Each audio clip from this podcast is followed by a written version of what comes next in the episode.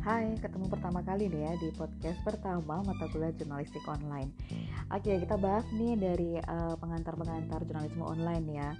Jurnalistik online atau online journalism ini juga disebut sebagai cyber journalism atau juga jurnalistik internet dan jurnalistik web atau web journalism. Nah, jurnalistik online ini ini merupakan generasi baru jurnalistik nih setelah jurnalistik konvensional seperti media cetak, kemudian media surat kabar atau juga jurnalistik penyiaran radio dan televisi.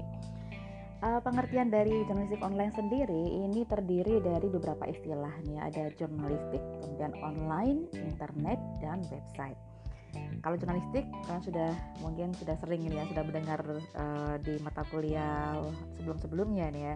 Nah, jurnalistik ini kita pahami sebagai proses peliputan, penulisan dan penyebarluasan informasi aktual dan berita melalui media massa. Mesti dipublikasikan ini ya, kalau enggak ya jadi diari pribadi. uh, secara ringkas dan praktis, jurnalistik bisa diartikan sebagai memberitakan sebuah peristiwa Nah, kemudian online. Online ini kita pahami sebagai keadaan konektivitas atau ketersambungan ini ya, mengacu pada internet atau World Wide Web, triple W. Online itu merupakan bahasa internet yang artinya informasi bisa diakses di mana saja dan kapan saja selama ada jaringan internet. Internet sendiri, itu istilah eh, berikutnya nih ya dalam jurnalistik online Internet ini kependekan dari Interconnection Networking. Secara harfiah, ini artinya jaringan antar koneksi. Internet sendiri dipahami sebagai sistem jaringan komputer yang saling terhubung. Nah, berkat jaringan inilah apa yang ada di sebuah komputer ini bisa diakses oleh orang lain melalui komputer lainnya. Internet ini menghasilkan sebuah media dikenal dengan media online, utamanya website. Oke, okay, next kita ke istilah selanjutnya ya, yaitu website atau site. Ini halaman yang mengandung konten atau media nih, termasuk teks, video, audio, dan juga gambar. Website itu bisa diakses melalui internet dan juga memiliki alamat internet yang dikenal dengan URL atau Uniform Resource Locator yang berawalan www atau http atau di sini Hypertext Transfer Protocol. Nah, dari pengertian ketiga kata sebelumnya nih ya, jurnalistik online ini bisa kita definisikan sebagai proses penyampaian informasi lewat media internet, utamanya website. Uh, kalau kita cek di Wikipedia, ini uh, jurnalisme online didefinisikan sebagai pelaporan fakta yang diproduksi dan disebarkan melalui internet, atau bahasa Inggrisnya reporting on of facts produced and distributed via the internet. Nah, karena ini merupakan perkembangan baru dalam dunia media, website pun dikenal juga dengan sebutan media baru atau new media, vis a vis, media konvensional seperti koran, majalah, radio, dan juga TV. Nah, hal baru dalam new media antara lain ini informasi yang tersaji bisa diakses atau dibaca kapan saja di mana pun di seluruh dunia selama ada komputer dan perangkat lain yang punya koneksi internet. Uh, lalu apa aja sih prinsip jurnalistik online? Nah ini kalau kita mengacu di tulisan dari Paul Bradshaw dalam Basic Principle of Online Journalism ini dia menyebutkan ada lima prinsip dasar di jurnalistik online. Kalau kita singkat ini jadinya basic B A S I C yaitu brevity, adaptability, scannability, interactivity, community and conversation. Kita bahas satu persatu ya. Pertama keringkasan atau brevity ini ya. Berita online itu dituntut untuk bersifat ringkas dan kemudian menyesuaikan dengan kehidupan manusia dan tingkat kesibukannya yang tinggi. Nah, pembaca ini memiliki sedikit waktu untuk baca nih ya dan biasanya mereka ingin segera tahu informasinya, maka mereka nggak terlalu banyak suka yang bertele-tele gitu. Jadi itu the point. Nah, maka jurnalisme online sebaiknya memang berisi tulisan yang ringkas. Nah, ini juga e, sesuai dengan salah satu dari kaidah bahasa jurnalistik yaitu KISS yaitu keep it short and simple. Nah, jadi buatlah naskah yang ringkas dan sederhana. Uh, prinsip kedua yaitu A ini ya, adaptability atau kemampuan beradaptasi.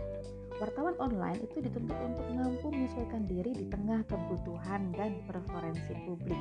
Nah, dengan adanya kemajuan teknologi ini, jurnalis, jurnalis bisa menyajikan berita dengan cara membuat berbagai keragaman cara, seperti ada penyediaan format suara atau audio, kemudian video, gambar, dan lain-lainnya di suatu berita. Next prinsip ada scannability, artinya bisa dipindai. Nah, untuk memudahkan uh, audiens, situs-situs ini terkait dengan jurnalistik online itu hendaknya punya sifat yang bisa dipindai supaya pembaca nggak perlu merasa terpaksa dalam membaca informasi atau berita. Uh, prinsip selanjutnya itu ada interactivity atau interaktivitas komunikasi dari publik kepada jurnalis dalam jurnalisme online itu um, sangat dimungkinkan dengan adanya akses yang semakin luas. Nah, pembaca atau review, uh, pembaca atau viewer ini dibiarkan menjadi pengguna user. Nah, ini sangat penting karena semakin audiens merasa dirinya dilibatkan, maka mereka akan semakin dihargai dan senang membaca berita yang ada. Ada kan jadi di prinsip komunikasi nih ya, kalau kita uh, salah satu prinsip dari komunikasi efektif yaitu melibatkan emosi dari audiensnya. Oke, okay, next Uh, prinsip selanjutnya ada community and conversation. Jadi komunitas dan percakapan. Media online itu punya peran yang lebih besar daripada media cetak atau media konvensional lainnya, yakni sebagai penjaring komunitas. Jurnalis online juga harus memberi jawaban atau timbal balik uh, kepada publiknya sebagai sebuah balasan atas interaksi yang dilakukan publik tadi jadi kalau kalian punya media online kemudian di komen-komen gitu ya. Jadi jadi sebaiknya ada tim yang juga bisa menjawab uh, komentar dari audiens kalian. Terus bagaimana karakteristik dari jurnalistik online? Perbedaan utama jurnalistik online dengan jurnalistik tradisional cetak radio TV itu ada di kecepatan, kemudahan akses, bisa diupdate dan dihapus kapan saja, dan interaksi dengan pembaca atau pengguna. Nah, jurnalistik online ini juga tidak mengenal tenggat tenggat waktu nih, tidak ada deadline-nya, timeless. Jadi sebagaimana dikenal di media cetak. Um, deadline bagi jurnalistik online dalam pengertian publikasi paling lambat itu adalah beberapa menit bahkan detik setelah kejadian berlangsung. Nah, jadi kalau di media cetak itu kan ada deadline-nya nih ya, misalnya jam 10 malam gitu. Jadi uh, setelah jam 10 malam maka berita kamu yang kamu kirim nggak akan diolah sama editor kamu gitu karena menuntut untuk dicetak di esok harinya Nah, jurnalistik online ini dicirikan sebagai praktik jurnalistik yang mempertimbangkan beragam format media atau multimedia untuk menyusun isi liputan yang memungkinkan terjadinya interaksi antara jurnalis dengan audiens dan menghubungkan e, berbagai elemen berita dengan sumber-sumber online yang lain. Uh, kemampuan aktivitas jurnalistik online ini dianggap bisa meruntuhkan aturan lama tradisi jurnalistik bahwa kebenaran faktual terletak pada praktik jurnalistik karena cuma wartawan yang tahu dan memutuskan informasi macam mana yang dibutuhkan oleh khalayak. Nah, kebenaran faktual, objektivitas, dan imparsialitas ini tidak lagi dibangun di ruang senyap editor, tapi dipertukarkan antara jurnalis dan publik. Nah, Mike Ward dalam Journalism Online ini dia menyebutkan beberapa karakteristik jurnalistik online sekaligus yang membedakannya dengan media konvensional apa aja. Yang pertama, ada immediacy, kesegeraan atau kecepatan penyampaian informasi. Nah, radio dan TV ini memang bisa cepat nih nyampein berita, tapi tetap harus uh, biasanya nih ya harus menginterupsi, acara yang sedang berlangsung gitu. Jadi misalnya nih ya kamu enak-enak denger radio kemudian ada breaking news gitu ya atau dengerin TV kemudian ada breaking news tetap ada interupsi itu. Nah kalau jurnalistik online tuh nggak lagi kayak gitu. Jadi tiap menit bahkan dalam hitungan detik ini berita bisa diposting. Uh, keunggulan lainnya dari jurnalisme online ya adalah multiple pagination. Jadi bisa berupa ratusan page atau halaman terkait satu sama lain juga bisa dibuka tersendiri one by one gitu ya. Next, kemudian ada uh, multimedia. Jadi dia, menya, dia menyajikan gabungan teks, gambar, audio, video, grafis dan sekaligus gitu. Jadi itu keunggulan dari jurnalistik online apalagi keunggulannya ada flexibility delivery platform. Jadi wartawan bisa nulis berita kapan aja di mana aja bahkan di tempat tidur bahkan di WC pun kali ya itu kalian bisa nulis gitu oke okay. Uh, keunggulan lain ada archiving nih ya, jadi bisa diarsipkan, bisa dikelompokkan berdasarkan kategori itu rubrik atau kata kunci misalnya. Juga tersimpan lama yang dapat diakses kapan pun. Jadi biasanya ada kata kunci tertentu kalau kamu baca media online, kemudian ada ada ada tawaran kan baca juga apa gitu. Nah karena apa yang sedang kamu baca itu punya kata kunci tertentu yang ada di uh, pemberitaan lain yang dibaca juga tadi. Kemudian ada relationship with reader, kontak atau interaksi dengan pembaca dapat langsung saat itu juga melalui kolom komentar. Ini kan nggak mungkin kalau di, di media cetak gitu ya.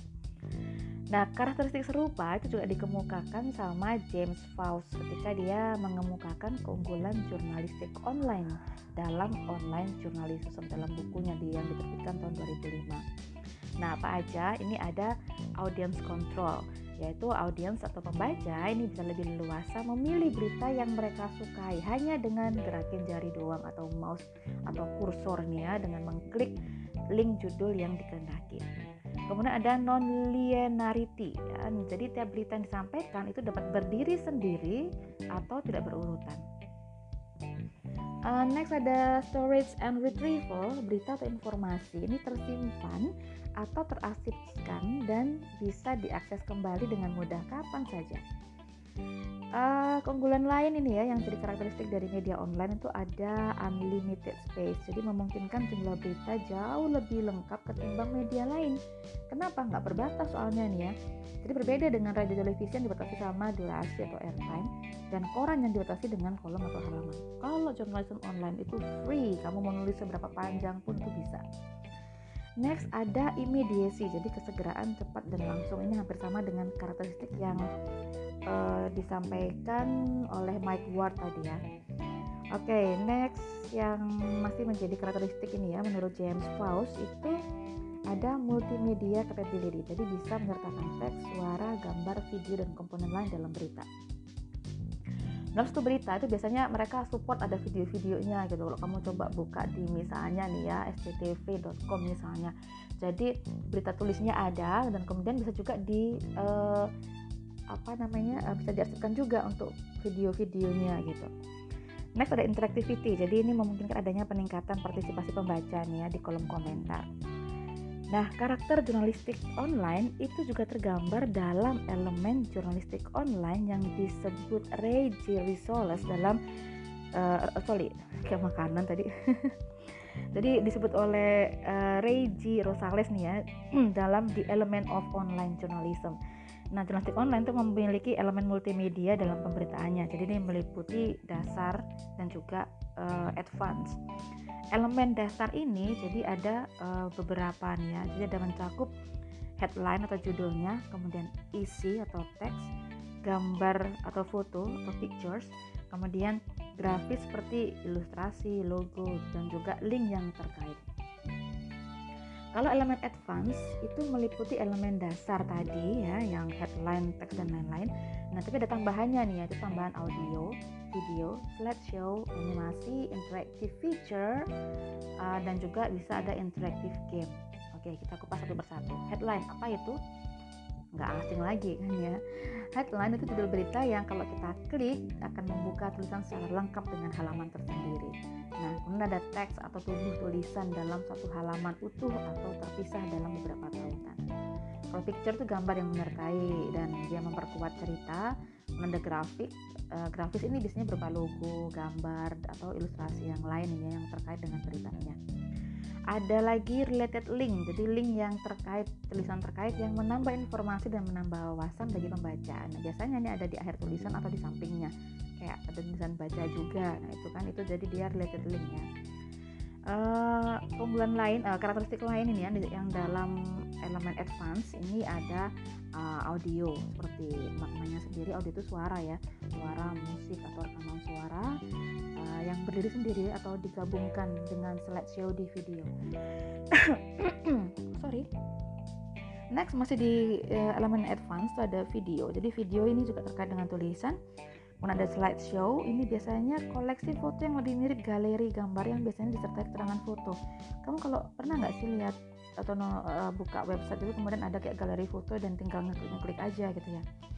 Kemudian ada animation animasi atau gambar bergerak yang diproduksi untuk menambah dampak cerita. Ada lagi interactive features ada interactive games. Kalau interactive features itu grafis yang didesain untuk interaksi dengan penggunanya misalnya lokasi ya gitu Kemudian kalau interactive games itu biasanya didesain seperti mini video games yang bisa dimainkan sama usernya. Wih, ngeri nih. Karakteristik sekaligus keunggulan jurnalisme online yang tidak dimiliki oleh media konvensional di berita online dengan baik ini juga dipaparkan oleh Richard Craig ini ya di bukunya Online Journalism Reporting, Writing, and Editing for New Media. Apa aja yang disampaikan oleh Richard Craig? Yang pertama, pembaca ini bisa menggunakan link untuk menawari pengguna dalam uh, membaca lebih lanjut beritanya di setiap beritanya. Kemudian pembaca ini bisa memperbarui berita secara langsung dan teratur. Next, informasi di online itu luas banget. Nah, kemudian yang keempat, ini tersedianya penambahan suara, video, dan konten online yang dimiliki di media cetak. Dan juga uh, dapat menyimpan arsip online dari zaman ke zaman. Nah, ini keunggulan dari jurnalisme online ya. Oke, okay, jurnalisme online ini juga disebut sebagai jurnalistik masa depan. Sifat multimedia di jurnalistik online ini menjadikan media ini sebagai jurnalistik masa depan. Artinya, wartawan itu tidak hanya menyusun teks berita dan menampilkan foto, tapi juga bisa melengkapinya dengan suara dan gambar atau audio video. Nah, dengan jurnalistik online ini pula, ini nggak ada lagi istilah yang berita tidak dapat dipublikasikan atau hanya jadi arsip di komputer saja. Kenapa?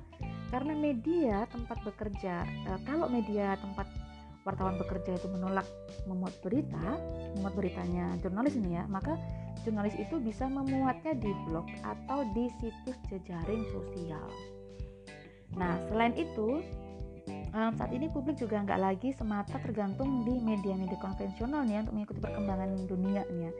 Jadi berbagai data ini menunjukkan kalau pengguna internet dari waktu ke waktu itu terus meningkat dan publik yang menjadikan media online sebagai rujukan utama kalau mereka membutuhkan informasi apa pun. Budaya internet kian kuat ini di kalangan masyarakat berkat kehadiran situs-situs mesin pencari atau search engine. Jadi contohnya ini ada Google, ada Yahoo dan lain-lain. Nah, cuma uh, hanya dengan mengutuk uh, uh, mengutuk lagi Jadi kalian hanya tinggal mengetikkan kata kunci di situs mesin pencari tadi ya di search engine. Nah, kemudian pengguna di seluruh dunia ini bisa mengakses internet yang mudah atas bermacam-macam informasi. Nah, kalau dilihat dari catatan Wikipedia, perkembangan internet ini juga sudah mempengaruhi perkembangan ekonomi ya. Jadi berbagai transaksi jual beli yang sebelumnya itu dilakukan tetap muka, nah sekarang eh, sudah bisa dilakukan lewat internet gitu ya. Jadi transaksi lewat internet ini juga dikenal sebagai e-commerce, online store atau bisnis online ini banyak yang bermunculan. Uh, coba kita sekarang meng, ini ya, kita mengkilas balik sejarah jurnalistik online. Uh, kalau kita lihat dari berbagai literatur jurnalistik online, ini menunjukkan bahwa jenis jurnalisme online ini tidak lepas dari ditemukannya teknologi komputer yang diikuti juga dengan kemunculan teknologi internet ini tahun 90-an ya. Nah, penemuan dan pengembangan teknologi nirkabel ini di notebook kemudian memudahkan proses jurnalistik atau kerjanya wartawan. Pas tanggal 17 Januari 98 ini disebut-sebut sebagai tonggak sejarah kelahiran jurnalistik online. Saat apa itu? Yaitu saat Mark Drudge ini berbekal sebuah laptop dan modem dia mempublikasikan kisah perselingkuhan Presiden Amerika Serikat Bill Clinton. Mungkin kalian nggak terlalu kenal nih ya, zaman saya SD saya sudah akrab sekali dengan nama-nama ini. Oke, jadi waktu itu Mark Mark ini dia mempublikasikan berita uh, kisah perselingkuhan ini ya dari Bill Clinton dengan Monica Lewinsky. Uh, waktu itu kasusnya disebut sebagai Monica Gate nya di website Drudge Report. Nah, setelah majalah Net nah, Newsweek kemudian dikabarkan menolak memuat kisah skandal seks hasil investigasi Michael Isikov itu. Nah, jadi kemudian mereka menggunakan media-media online ini ya. Nah, kemudian semua orang mengakses internet segera mengetahui rincian berita atau cerita dari Monica Gate yang juga dikenal sebagai Monica Scandals uh, dan juga Sex Gate. Nah, kemudian dua tahun kemudian di awal tahun 2000-an ini muncul situs-situs pribadi ya, situs pribadi yang menampilkan laporan jurnalistik pemiliknya yang kini dikenal dengan website blog atau web blog atau blog aja. Nah, munculnya dan perkembangan dan e, kemunculan dan perkembangan dari jurnalistik online ini di Indonesia itu dimulai dengan berita yang menggegerkan waktu itu ya, yaitu saat e, di era pemerintahannya Soeharto atau di Orde Baru nih ya, saat dia mengundurkan diri tanggal 21 Mei 98. Nah, berita pengunduran diri Soeharto ini itu tersebar cepat sekali nih ya, lewat my list atau mailing list yang sudah dikenal banyak kalangan aktivis demokrasi mahasiswa.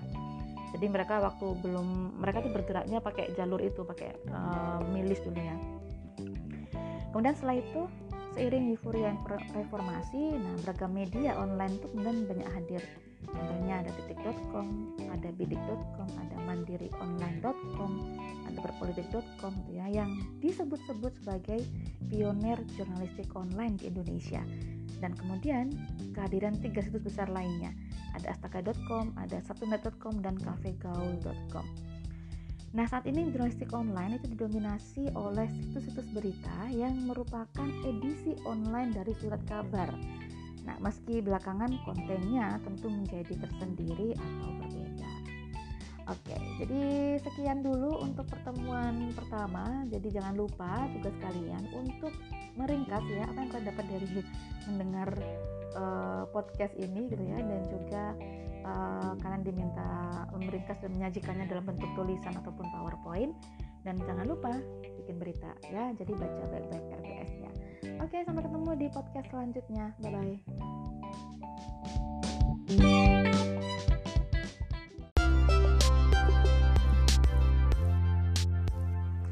Hai hai, kita belajar lagi nih ya.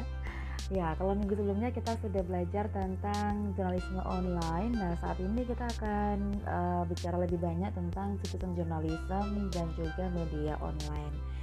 Uh, semoga yang materi sebelumnya bisa dipahami dengan baik. Kalaupun tidak, kalian bisa kok ya menyimpannya dalam bentuk pertanyaan dan kemudian bisa kontak aku untuk bertanya atau bisa juga disampaikan di grup kelas gitu ya. Oke deh, langsung aja kita ngomongin tentang citizen journalism. Nah, jurnalistik online ini membawa perubahan yang penting nih ya di dunia jurnalistik. Ini nggak hanya di sisi bentuk media dan juga sajiannya, tapi juga praktisinya alias si wartawannya. Nah, saat ini berkat jurnalistik online, nah tiap orang itu bisa jadi wartawan yang kemudian kita kenal dengan konsep citizen journalism. Nah, citizen journalism ini bisa kita definisikan ini sebagai praktik jurnalistik yang dilakuin oleh orang biasa. Jadi orang biasa ini di highlight ya, bukan wartawan profesional yang kerja di media. Nah, kehadiran blog dan juga media sosial ini menjadikan setiap orang bisa jadi wartawan. Dalam pengertian ini juru warta atau menyebarkan informasi sendiri kepada publik Nah itulah kenapa aku minta kalian harus bikin blog karena secara nggak langsung aku sedang meminta kalian menuntut kalian menuntut kalian jadi jurnalis gitu. Oke, okay, sebelumnya kita sudah mengenal tentang public journalism atau civic journalism yang semakna dengan citizen journalism, yaitu laporan by the people oleh orang-orang gitu. Nah, uh, media media citizen journalism ini macam-macam gitu ya uh, kita bisa mengategorikan media citizen journalism ini ke beberapa tipe. Ada enam tipe. Jadi yang pertama ada audience participation. Nah ini seperti komentar user yang di attach di berita atau di blog-blog pribadi, foto atau video footage yang diambil dari handicam pribadi atau berita lokal yang uh, ditulis sama komuni anggota komunitas gitu ya. Kemudian ada juga independent news dan information website. Nah, situs web berita atau informasi yang independen seperti Consumer Reports ini uh, bisa termasuk dalam independent news nih ya. Kemudian ada full fledged participatory news site. Panjang banget. Ya, ini adalah situs berita partisipatoris yang murni atau situs kumpulan berita yang murni dibuat dan dipublikasikan sendiri oleh warga. Uh, kemudian ada kolaboratif dan contributory media sites. Ini adalah situs media kolaboratif. Kemudian ada juga other kinds of thin media. Ini untuk lain dari media tipis seperti mailing list dan juga newsletter atau email. Kemudian ada juga personal broadcasting sites. Jadi ini ah sorry.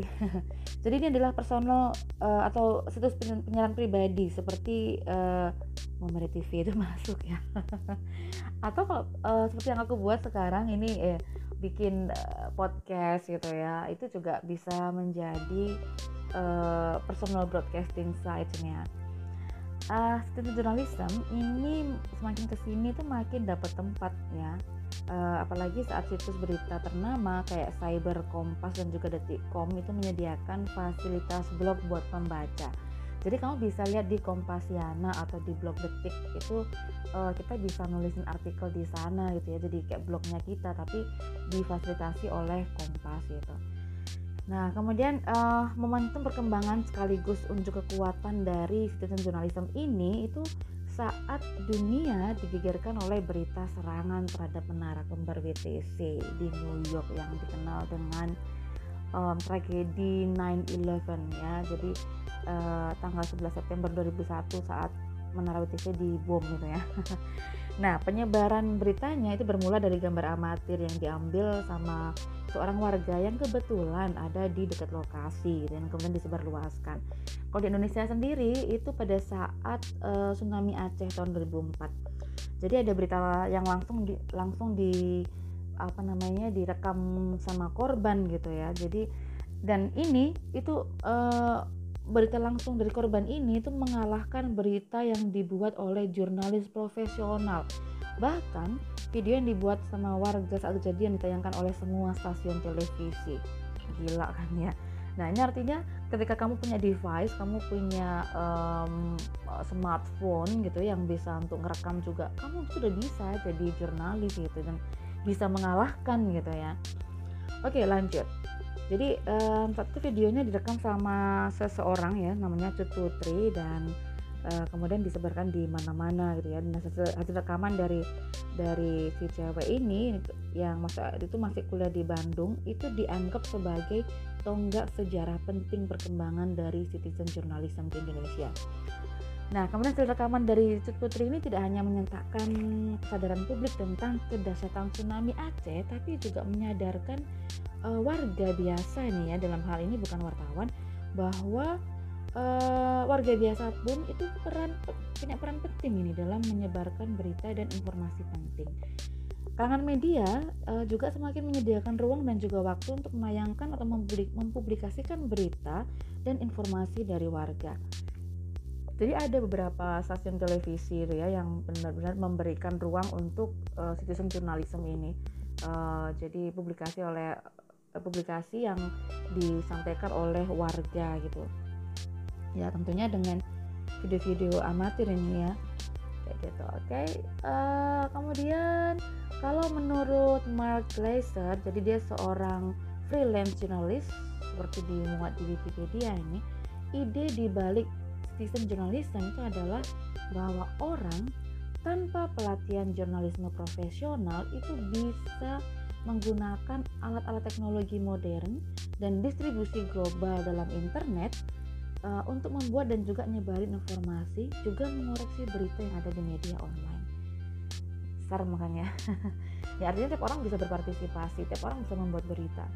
Nah misalnya nih ya seorang nulis tentang pertemuan dewan kota di blog di sebuah forum online gitu atau memeriksa fakta uh, sebuah artikel surat kabar di media mainstream dan kemudian menunjukkan fakta kesalahan atau biasnya di blog atau di kolom komentar.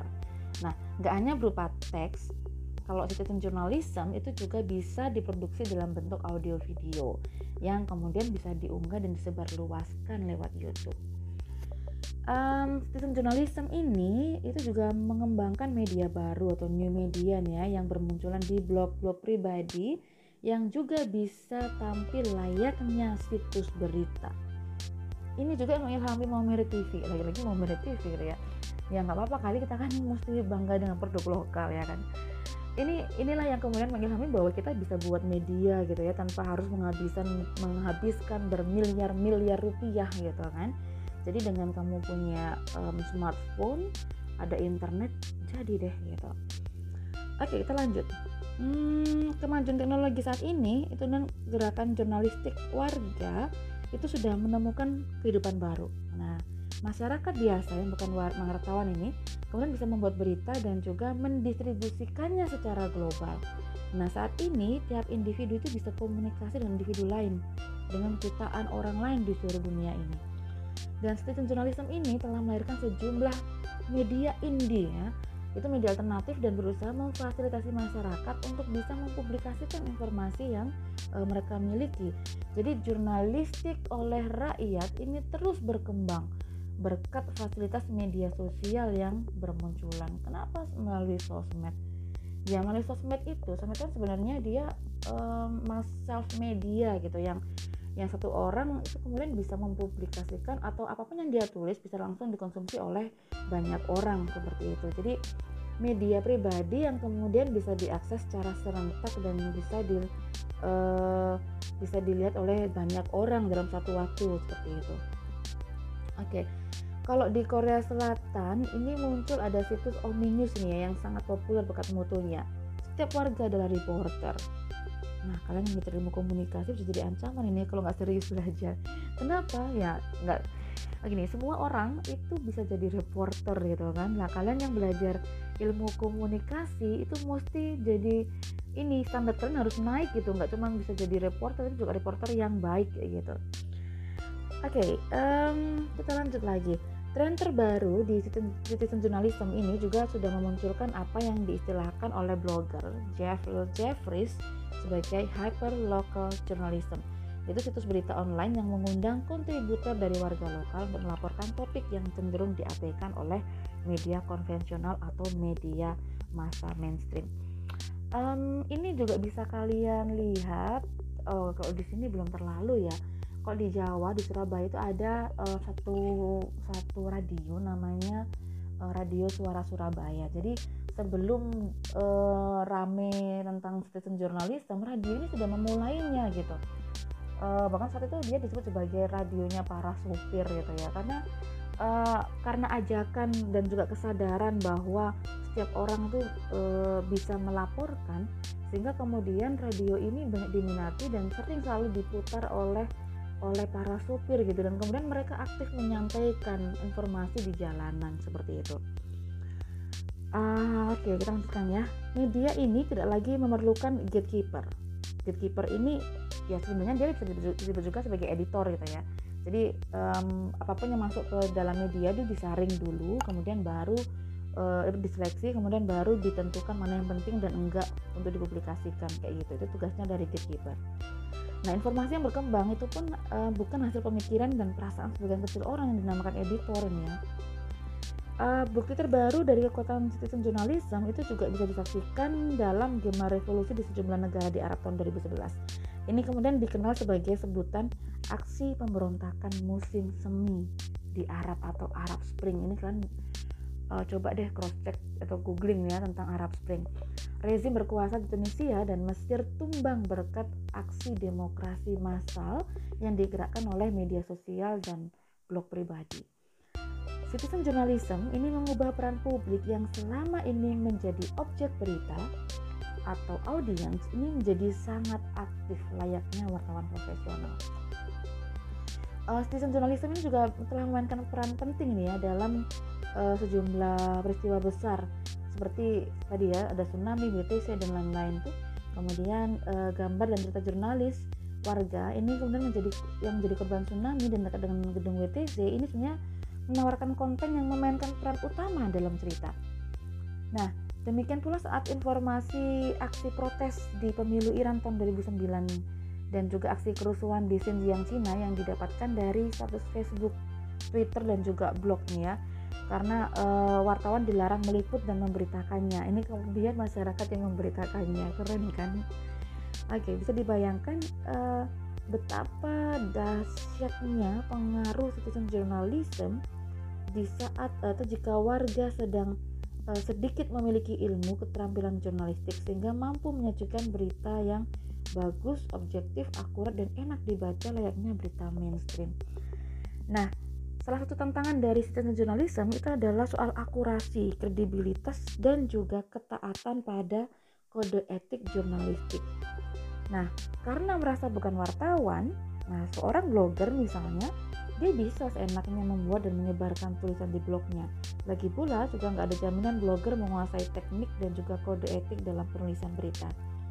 Makanya, jadi kalau nyebar-nyebar blog itu juga mesti dicek gitu. Ada kadang kita nggak bisa serta merta uh, percaya pada blog karena itu tadi ya tidak semuanya bisa bisa divalidasi bahwa apa yang disampaikan itu benar seperti itu. Itu kelemahannya sih tantangannya.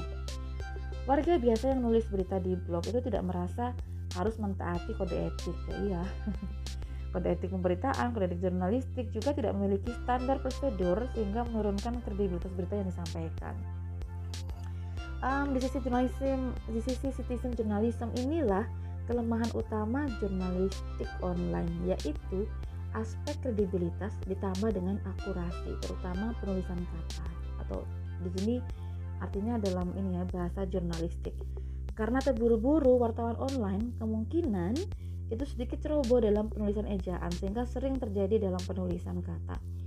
Bahkan ada juga di media besar itu bahkan sering nggak jarang nih ditemui banyak salah tulis gitu ya. Pernah dalam satu media besar di NTT ini menyebutkan adanya ini ya penusukan ya kemudian dia menyampaikan bahwa penusukan sedalam satu meter gitu ya ngeri kan penusukan satu meter itu kan luar biasa Oke, dari segi bahasa, citizen journalism itu tidak terikat dengan kaidah bahasa, soal kata baku dan tidak baku gitu. Karena lazimnya journalism ini seperti blogger menggunakan bahasa tutur yang slang alias seenaknya sendiri. Oke, seperti itu tentang citizen journalism. Aku akan sambung di uh, podcast berikutnya mengenai media online. Sampai jumpa.